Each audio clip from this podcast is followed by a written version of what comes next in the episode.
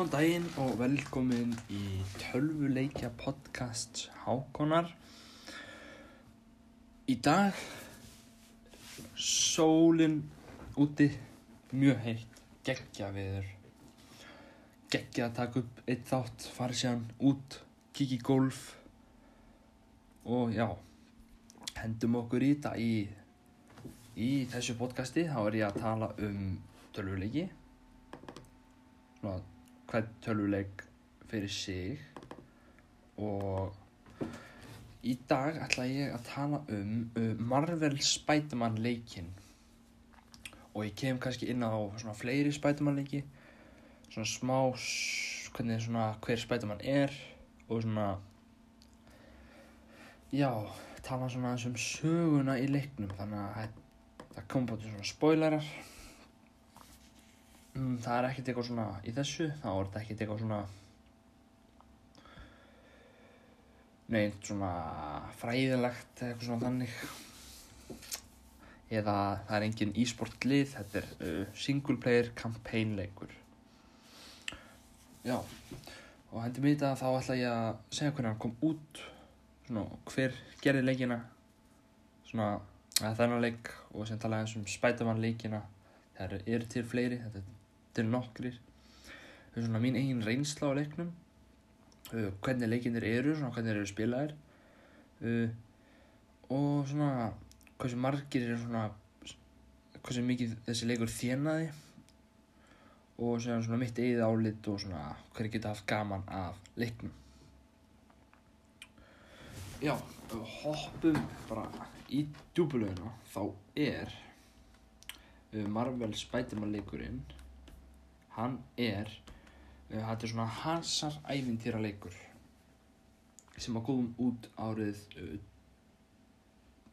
2019 ef að ég hef réttar upplýsingar. 2018 ok, september 2018 ég, já, ok, já þetta er 2018, veit ég ekki. Ég veit ekki af hverju, mér fannst þið svona að við komum út 2019 Minnir eins og að hafa alltaf staðið við Marvel Spider-Man 2019 en gerinlega ekki, þá þarna hafði ég rátt fyrir mér. Og hann var svona hann var þróaður og gefin út af um, Insomniac Insomniac Games. Um, Insomniac Games hefur gefið út maður sjá hvað leiki hafa þeir gefið út. Við þeir hafa gefið út uh, Spyro leikina sem voru svona mjög vinsælir uh, PlayStation 2 leikir og sem var gerðið svona remastered af honum. Uh, Ratchet Clank leikina alveg frá 2002 og bara, og bara ennþá í gangi greinilega. Og Resistance series sem var held ég fyrsti tölvuleikur eða PlayStation 3 leikur sem ég spilaði þegar ég fekk minna fyrstu PlayStation 3 tölvu þá var þetta held ég fyrsti leikurinn sem ég fekk en ég var alltaf ungur til að spila hann og ég var alveg skítrættur að spila hann. Þetta var svona það var gemveru innrás og þú varst bara svona gæði sem að bara svona þú varst að drepa hellinga af gemverum og svona þannig. Um, síðan gerðu þeir uh, Sunset Override ég veit ekki hvað leikur það er og síðan Marvel Spider-Man. Og þetta eru Insomnia Games. Þeir voru þetta var fundið upp uh, 28. februar 1994 bara fyrir 28 árum. Og founderinn hann heitir Ted Price. Og þetta er staðsett í Kaliforníu. Og áður en þetta var Insomnia Games þá var þetta Extreme Sof Software uh, Incorporated. Og ég hoppa síðan aftur yfir í Spider-Man þá er hann gefun, ok, hann, já, hann er gefun út af Sony út af því að hefur svona flestir vita, já, publisher, það er Sony. Sem að flestir vita þá á Sony Spiderman. Og ef ef ykkur hafa hort á þetta myndirnar, þetta Marvel myndirnar þá er Marvel, það er orðið af Disney og Spiderman er alveg í einhverjum Avengers myndum en þá er það bara út af því að Sony gaf leifi á að hafa Spiderman í því. En annars eru allar uh, Spiderman myndirnar það eru Sony myndir og svo, og já Spiderman má ekki fara í Avengers nema með einhverju sérstökur leiði og já, leikurinn er byggður af Marvel comic personunni Spiderman sem að Stan Lee fann upp. Og ég sá síðan hérna svona smá þegar hann fekk hugmyndina þá var ég svo svona hann var að gera eiginlega bara svona TED Talk næstu því. En þá var það þannig að bara hann átti að koma ykkur að nýja ofurhetju og hann, hann sagði ok hann, hann lísti þannig að ofurhetjan verður þannig uh, hann vil hafa hann sem táning sem hefur uh, úlings vandamál og hafa kungul og mætti og gæinn sem að uh, hann var að vinna með hann sagði bara að það hefur versta hugmynd í heimi. Síðan eftir einhverja nokkra vikur þá var hann, gæti hann ekkert hægt að hugsa um og sett hann á eitthvað blað og síðan kom eiginlega bara gæinn og bara skrýðandi til hans um að gera heilan sériu af þessu. Það er það sem ég gerði. Um, já og hún segir svona frumlega frásögn sem er svona innblósin af svona langvarandi teiknumyndasögu á sama tíma og hún er sótt í svona ymsar aðlaganir í öðrum miðlum. Í aðalsögurinni skipar hinn uh, ofurmannlegi glæpafóningi Mr. Negative. Þetta er svona, þetta er svona vandigægi sem á, ég vissi ekki einu svona af áður en ég spilaði hann leik, Mr. Negative. Uh, hann vill á einna völdum yfir svona, yfir New York þegar Mr. Negative hótar að gefa út bannvænan vírus, eða bara COVID verður Spiderman að takast á við hann og vernda borgina meðan hann er tekur á persónunum vandamálum borgarlegra persón hans Peter Parker þetta er svona um, kampæni er svona að þú ert að leika Spiderman og síðan, að, og síðan þarftu stundum að fara uh, úr búningnum og að tala við ömmuðina eitthvað svona að lifa þínu bara venjulega lífi líka og og yfir allan lengin þá er verið að henda þér úr íbúðinniðinni og þú endar á því að uh, hitta fyrirhundi kærastunni hennar MJ sem að ég tala kannski um eftir smá. Uh, leikurinn er settur svona frá sjónur þetta er svona þriði persónuleikur uh, svona uh, með áherslu á yfirferð Spiderman og bardaga hæfileika Uh, Spiderman getur farið uh, fjárslega um New York borg, átt samskiptu personur, tekið að sér verkefni og opna nýjar græjur og jakkaföld með því að fara í gegnum svona aðalsöguna eða klára verkefni. Utan sögunar er leikmaðurinn fær um að klára hliðaverkin til að opna aukaefni og söfnunarhluti barðdagi innbyttir sér að því hlekki ára sér saman og nota umhverfið og vefina til að gera marga óvinni óverka en að forðast skemmtir. Já, þetta var eiginlega bara svona gameplayið í svona stuttu. Ég ætla svona aðeins að brjóta þetta niður. Ok. Þá verður að taka sér hérna, já, þú ert bara að gera þetta svona, þetta er svona main mission, aðal verkefnin sem gerir, það er svona aðal svona söguverkefnin. Síðan eru side mission, svona aukalegt. Og síðan eru svona collectibles. Þá getur þú bara, þá er bara einhver staðar í New York á meðan þú ert bara sveiflaður um. Já og þetta er bara það er bara tekið ákvarðat New York. Þú ert eiginlega bara í New York svona í álfurinni en veist, það er suma byggingar sem eru í veist, Marvel myndunum þetta er svona þannig.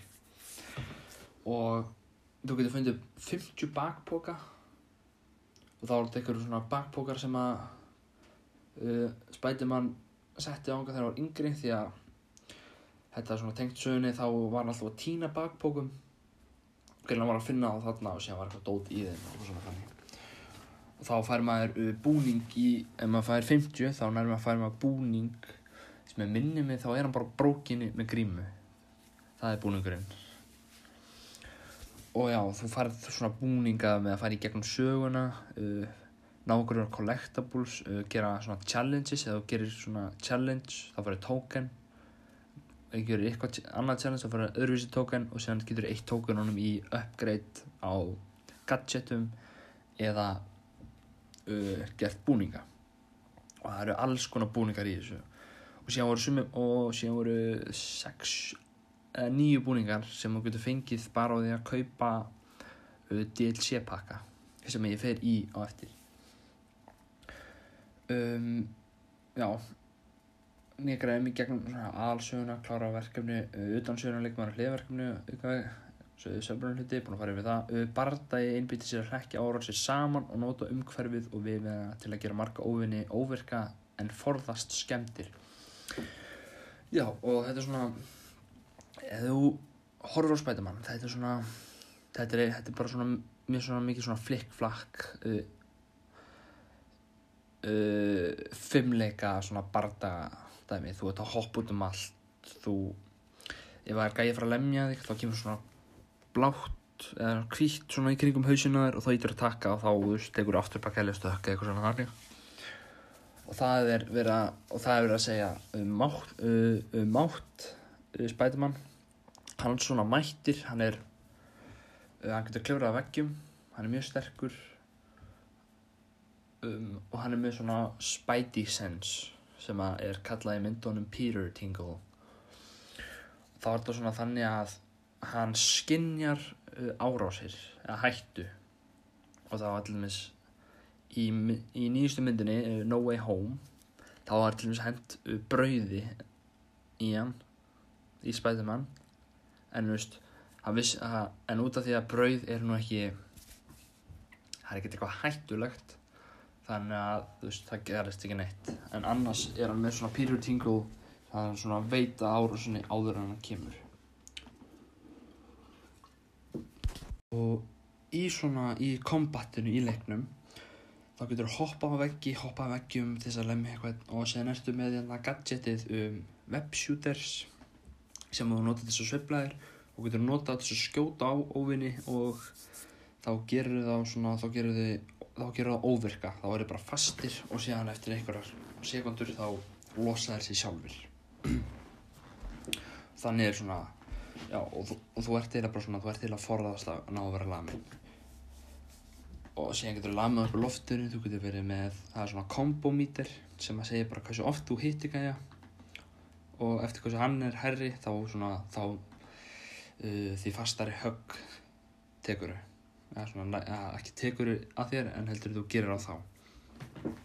Og þannig að þú vilt svona ná, ná því hæsta. Síðan er uh, air combat þá getur þú kilt einhvern veginn í loftið og lamið henni klassu í loftinu. Og þá, fari, á, þá verður þetta bara svona byggja kombo en það er enginn sem getur lamið þig á meðan út í loftinu. En það er einhver sem getur skotið þig þannig að þetta er bara svona þannig maður bara fylgjast með þetta er svona mikið þannig.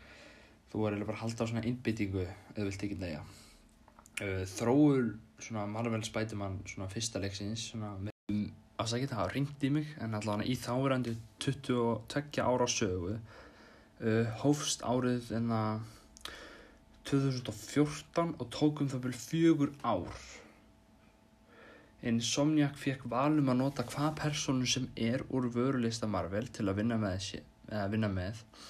Spiderman var valin bæði fyrir aldraftrablið út af því að Spiderman ég held að sé svona langt þekktasta og vinsælasta Marvel ofurreitan og hann er til dæmis var uppáðs ofurreita mín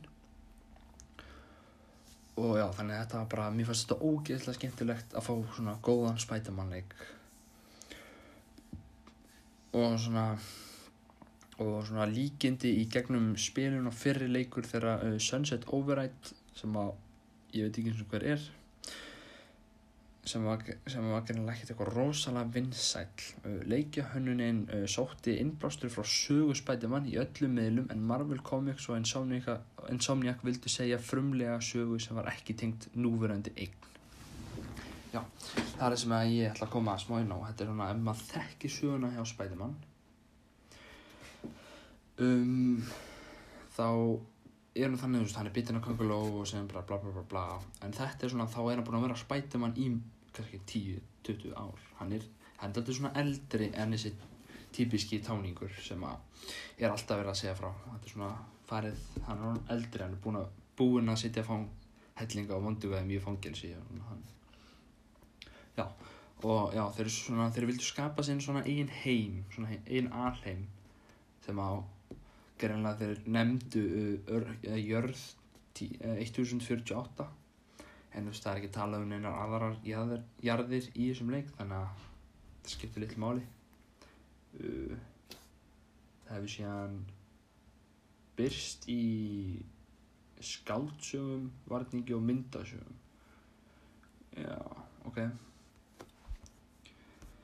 Um, Marvel Spiderman uh, kom út uh, fyrir Playstation 4 þann 7. mæ nei, 7. september 2018 og leikurinn fekk lof fyrir frásögn sína, persónsköpun, bardaga og vefsiflufræði þó að sumir hafi gaggringt opna heim hönnun hans fyrir að skorta nýsköpun en þegar náttúrulega þessi leikur fekk mörg verðlaun sínist mér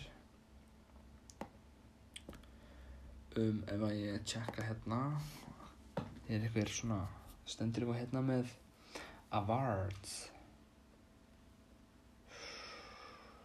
Uh, sýnist ekki.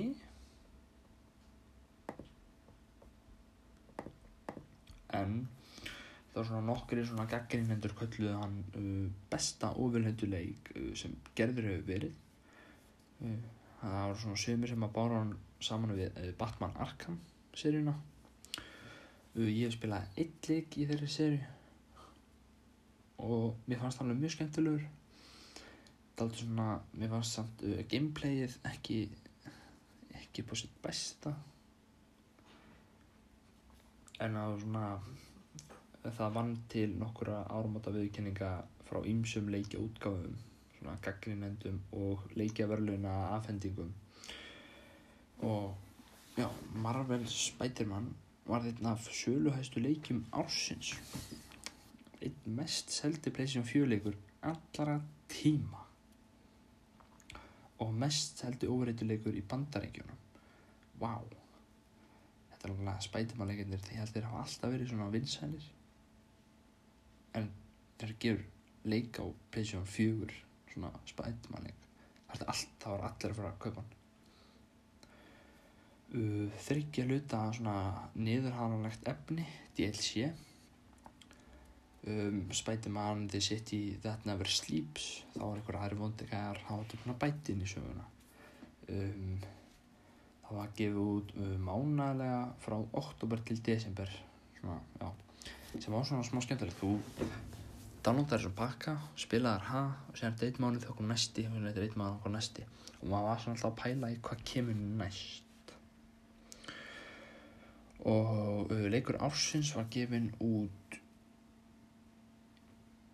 í ágúst 2019 þar á meðal DLC undirbúningur Marvel Spiderman Miles Morales kom út í november 2020 fyrir PlayStation 4 og PlayStation 5 á samt endurgerðari útgáfi af Marvel Spiderman fyrir PlayStation 5 framhald Marvel Spiderman 2 er áætlað að koma út árið 2023 fyrir PlayStation 5 ok um, þessi, já ég hef þeir segja að þessi leikur eða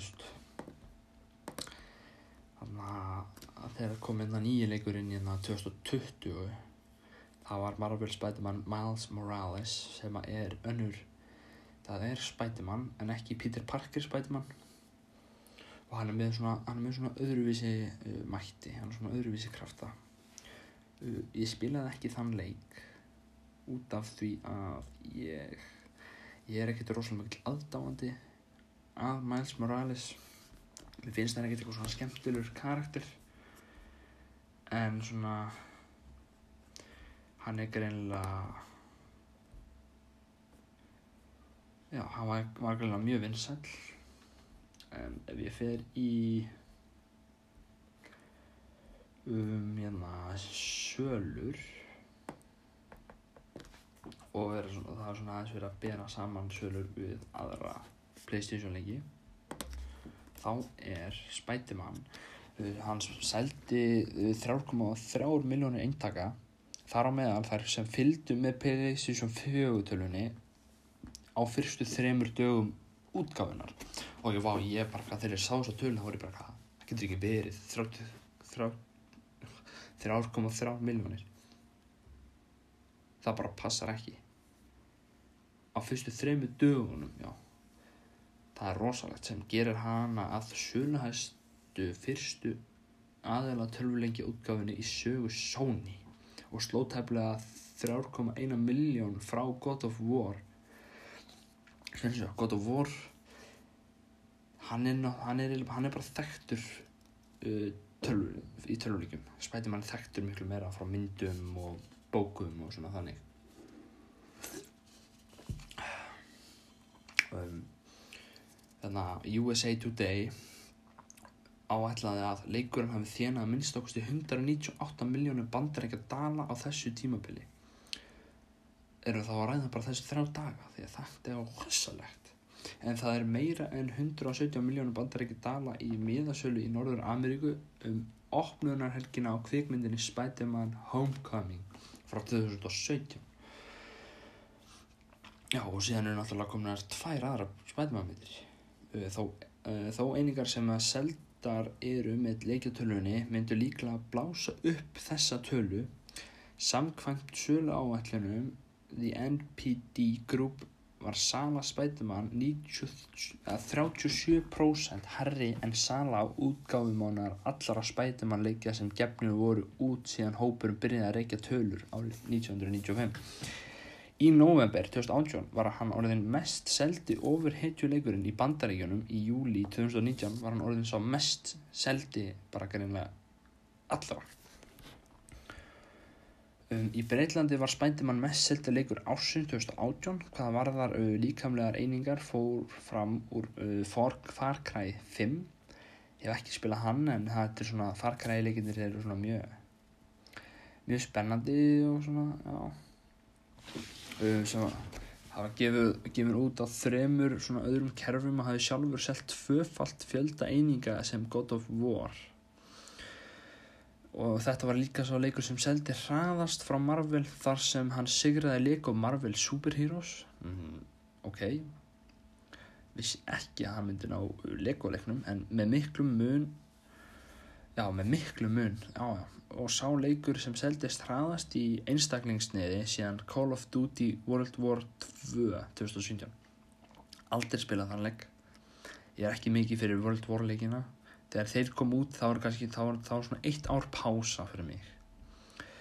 Uh, hann seldi, uh, seldist minna en mest seldi ofurleikur uh, þessar kynnslóðar Batman Arkham Knight sem kom út á fleiri kerfum. Tölur eru utanskildar stafrunasölu í Breitlandi Spiderman var áfram söluhæstu tölvuleikurinn í þrjár vikur í röð. Þar til honum var skipt út fyrir fjöl vettvangsti titilinn á FIFA 19 Þetta var annar mest seldi leikurinn í september og endaði eftir FIFA 19 sem hafði aðeins verið til sölu í tvo daga. Og fór f- yfir fyrstu mánarsöluna á Uncharted 4 uh, Horizon Zero Dawn, God of War uh, það helst í tíu mest seldu leikjunum til 3. januar 2019 og stóð í 13 vikur þetta, já, þetta er rosalegt hvað þessi leikur svona varð vinsæll á svona stuttum tíma en þess það með minn er það hafi bara verið búið að hæpa leikinn svona upp. Uh, það er uh, náttúrulega það er planað að gera Spiderman 2 sem ég sagði áðan uh, sem var að koma út árið 2023 ég held að það myndi koma út í, á þessu ári en greinilega ekki. Og hann verður held ég svona um ég held að uh, Peter Parker og Miles verða í leiknum sem Spiderman og já og ef þið veitir hver Venom er þá er það uh, Gimra sem er svona sym symbiót sem að verður held ég svona aðal vondikallin í þessu. Og það er uppáhalds vondikallin minn af Spiderman. Það er Venom. Mér hefur alltaf langt þess að spila Venom í Spiderman-leikum en það er ekki mikið að það er ekki margir sem að bjóða upp á það. Það held að sé eitt leikur sem er svona þetta er svona teiknimyndar leikur og þá getur þú leikið Venom en þú veist þú getur ekkert leikið hann lengi eða neitt svona hann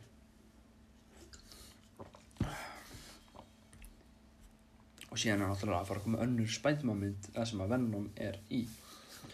Eftir þessa eftir uh, Spider-Man No Way Home. Við tala svona smá um söguna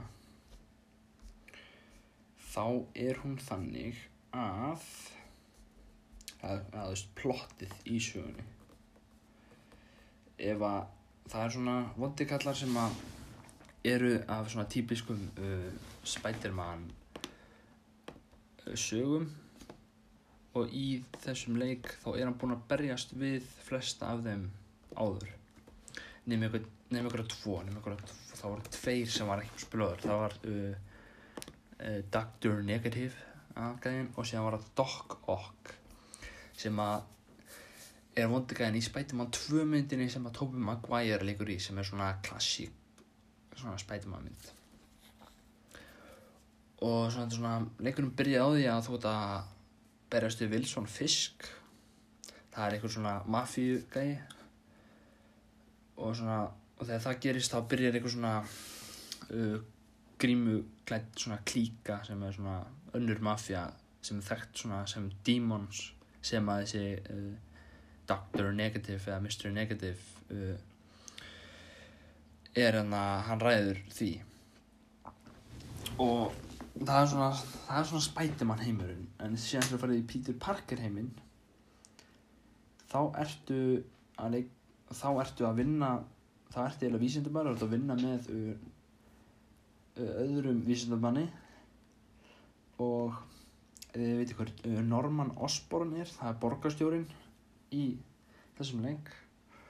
Og það og sonur hans hefur alltaf verið, var, er besti vinnur uh, Peter Parker bara í myndunum og, og leik, leikjónum og já og þetta er svona og síðan er Miles Morales í þessum leik líka. Það er svona það í leiknum þá er svona að vera að sína svona smá á honum og þú farið að leika hann einu sinni en þetta er áður hann var Spiderman. Og þá er þetta svona þetta er svona uppbygging fyrir leikin hans sögu fyrir næsta leik. Uh, vísindamæður sem að þú veist bara yfirmaðurinn hans Peters það er Otto Octavius. Og þeir eru að þeir eru að búið til gerfi limi og en borgarstjórin Osborn hann afturkallar svona fjármögnu þeirra út af því að þeir telja að út af því að já, það var svona það var svona fólk koma til þess að skoða hvernig, hvernig rannsóknin gengur. Og það klúraðist eitthvað og sprakk eitthvað og hald og þau segja síðan að þetta er bara þetta er ekki óhætt það getur eitthvað meðist þess vegna ætlum við, ætlum við, að, ætlum við að kötta uh, á fundingin þannig að þannig að þeir fá enga fjármögnum þannig að hann getur ekki borgað Pítur og síðan kemst Spiderman að því að það er eitthvað eitthvað, eitthvað bioweapon sem heitir Devil's Breath sem er bara vírus sem endar á því að vera hleyft eða svona vírusin vírusnum var hleyft á borgina. Og þetta var svona vírust gerður til þess að drepa og vöndugæðinir vildu að uh, Osborn myndi borgaði sér einhvern pening. Svo Osborn hérna uh, gefið gefi fólkinu mótefnið.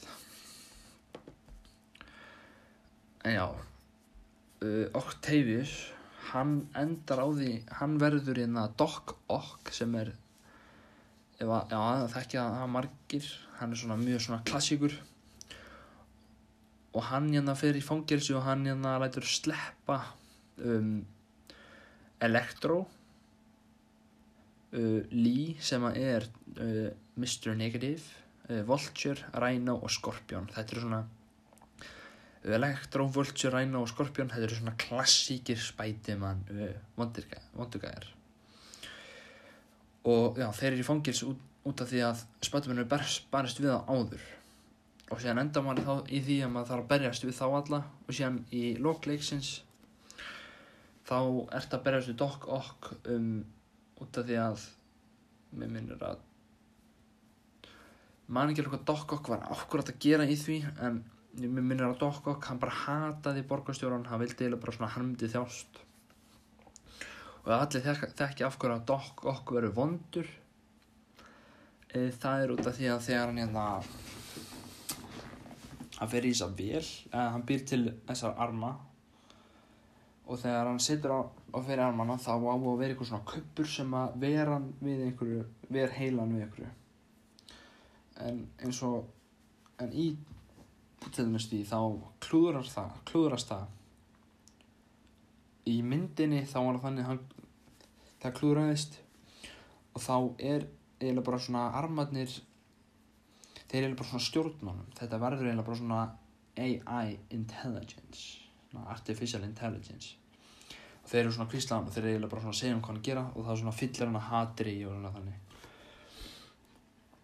Og þessi vandamál sem hann Peter Parker er að við það er ammans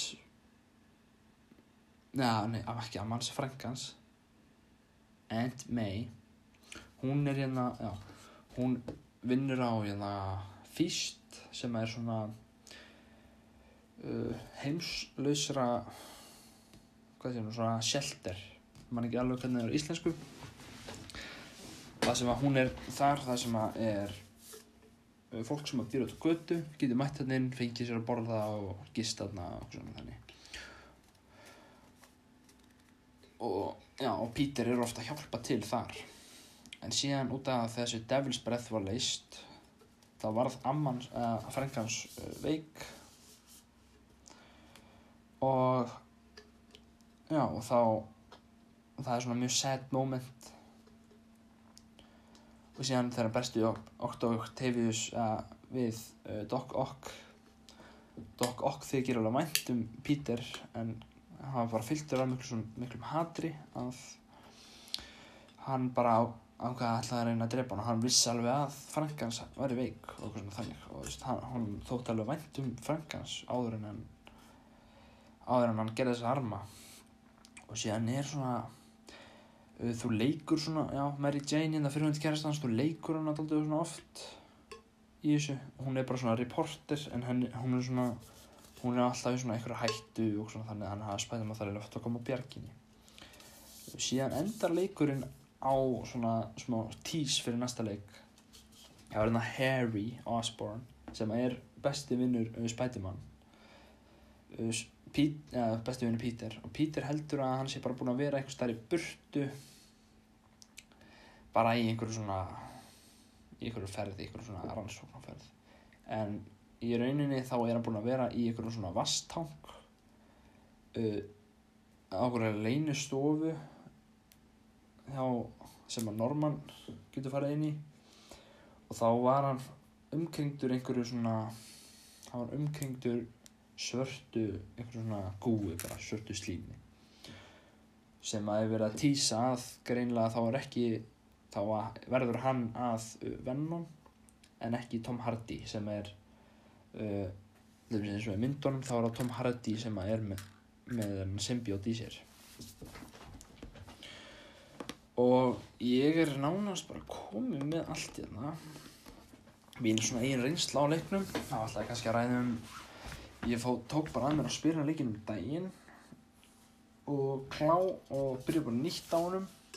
Þetta er svona þannig að þú klára leikin þá getur þú byrjað svona New Game Plus og ef þú vinnur það á erfiðasta difficultíinu þá farið eitthvað byggar þannig ég var bara ég er bara í því og síðan var og síðan átti ég voru nokkra byggara eitthvað tvo byggar eftir þess að ná 100% í venjulu ekki New Game Plus. Og hann ég ákvæði að klára það þá fær maður svona platinum trófi þetta er svona ef þú vilt klára leikina svona 100% svona allt svona auka og svona þannig. Og já um, síðan er hérna þú byrjar á level 1 og getur komist upp í level 50 og þú færði alltaf eitthvað svona skill shot eða skill token sem þú getur nota til þess að bæta uh, bæta inn einhver svona moves sem þú getur gert. Þegar þú ert að berjast eða til dæmis bara þegar þú ert að söfla þér verða aðeins hraðari eða geta, það er svona vondugæðinir, þetta er svona þannig, þetta eru svona vondugæðir sem sem er kannski ekki með neinvá, síðan með skambissu, hrískjöldubissu, sumir eru bara með svona krópar eða sverð. Um, einhverjir eru bara svona þetta er bara svona stóri gæjar sem eru bara svona stórir og feitir. Og þú verður að um, sitja á í köngulófef til þess að geta lamið á. Og þú sum skillshot eru þannig að þú getur uh, af, afvopnað bara með þrýning eða um, þegar þú þú köngulófefjar eitthvað gæja eða bara weppar upp gæja og heldur henni þrýning þá getur það kasta, uh, kasta honum til. Og þú komið með sendur svona byrjar svona þannig byrjar með eitthvað svona eitthvað skill sem verður eitthvað skill og sem verður að og síðan eitthvað sk- neðsta skillið þú verður að vera komin með línuna til þess að náðu ná því skilli þannig að verður alltaf að taka þetta skill, þetta skill, þetta skill til þess að fá þetta skill og það getur til dæmis verið að þegar þú verður bara stóra gæður þá getur þú kastað þeim eða eitthvað svona þannig. Og þú ert bara að svifla um New York. Og það er svona og þetta er svona þetta er, já, ef ég tala um um fyrri spætumannleikina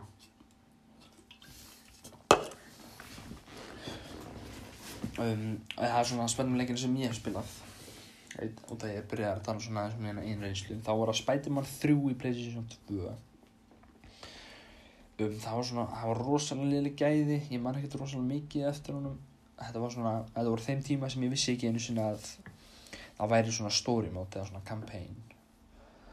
Þannig að ég var eiginlega bara svona að leika mér að svifla mér og svona þannig. Ég átti það til með að byrja oftast bara upp á nýtt í leiknum til þess að gera alltaf fyrsta missionið aftur og aftur og aftur ég veit ekki alveg af hverju en ég gerði það. Um, síðan kom hérna út The Amazing Spider-Man. Leikur sem var alveg mér fannst hann alveg mjög skemmtilegur sko. Það var svona alltaf svipla svipar uh, game combatið í því. En mér fannst það eiginlega bara svona hann náði, hann var ekki vinsell þessi leikur. Ég veit ekki af hverju. Ég veit ekki af hverju ég finn hann ekki.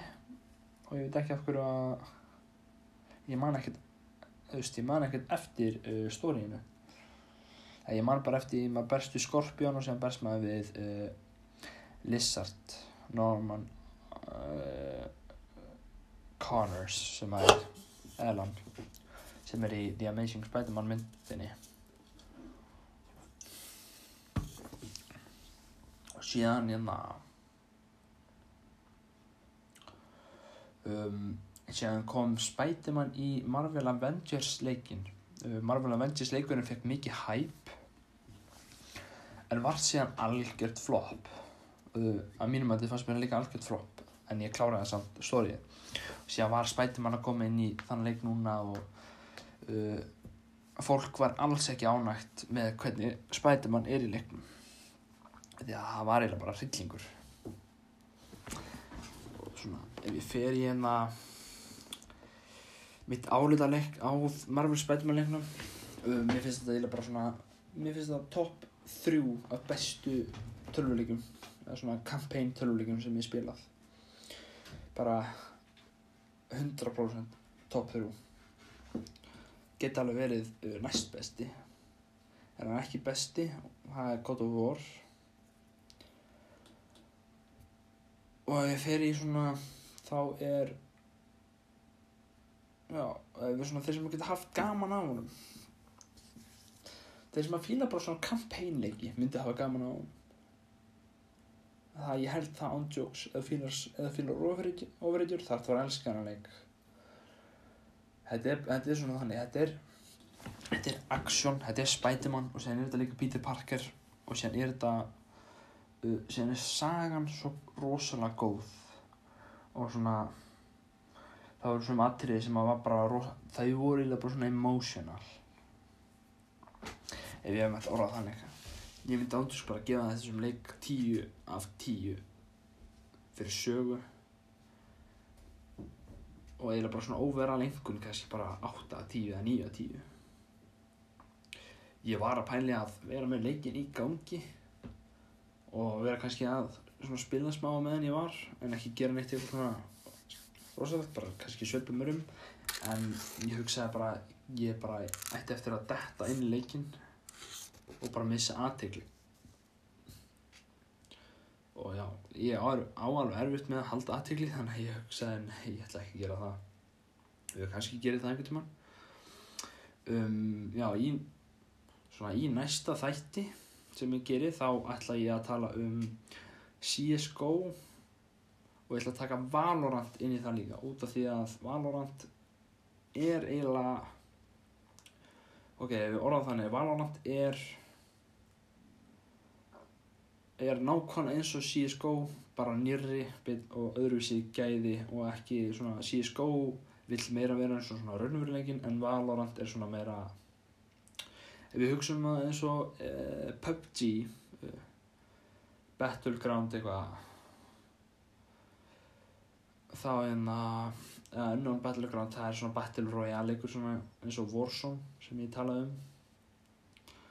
Og hann er svona uh, það er svona það er svona eins og CSGO og sem er Valorant svona eins og Fortnite. Þetta er svona þannig þetta er svona sami öðruvísi uh, svona, og það er svona sami leikur eitt er svona meira eins og raunveruleikin en hinn er svona meira eins og barnatími eitthvað svona þannig. Svona þess að svo, þetta sé kannski ekki alveg já svona svona alveg já um, hvað segir maður? Svona já realistic. Og ef maður fyrir það þá er til dæmis, já, CSGO að mínu mati þá er þetta svona þú ert að pissi flösku. Ef þú ert 100% inn í CSGO hvað ert það því ég ætla að ræða um það í næsta þetti ég ætla ekki að segja neitt meira um það. Og takk fyrir að hlusta á þessum fallega degi. Sól úti, get ekki beðið eftir að fara út, fara kannski í golf. Fara út að lappa get ekki beðið. Um, takk fyrir að hlusta. Og ég er ykkur í næsta þetti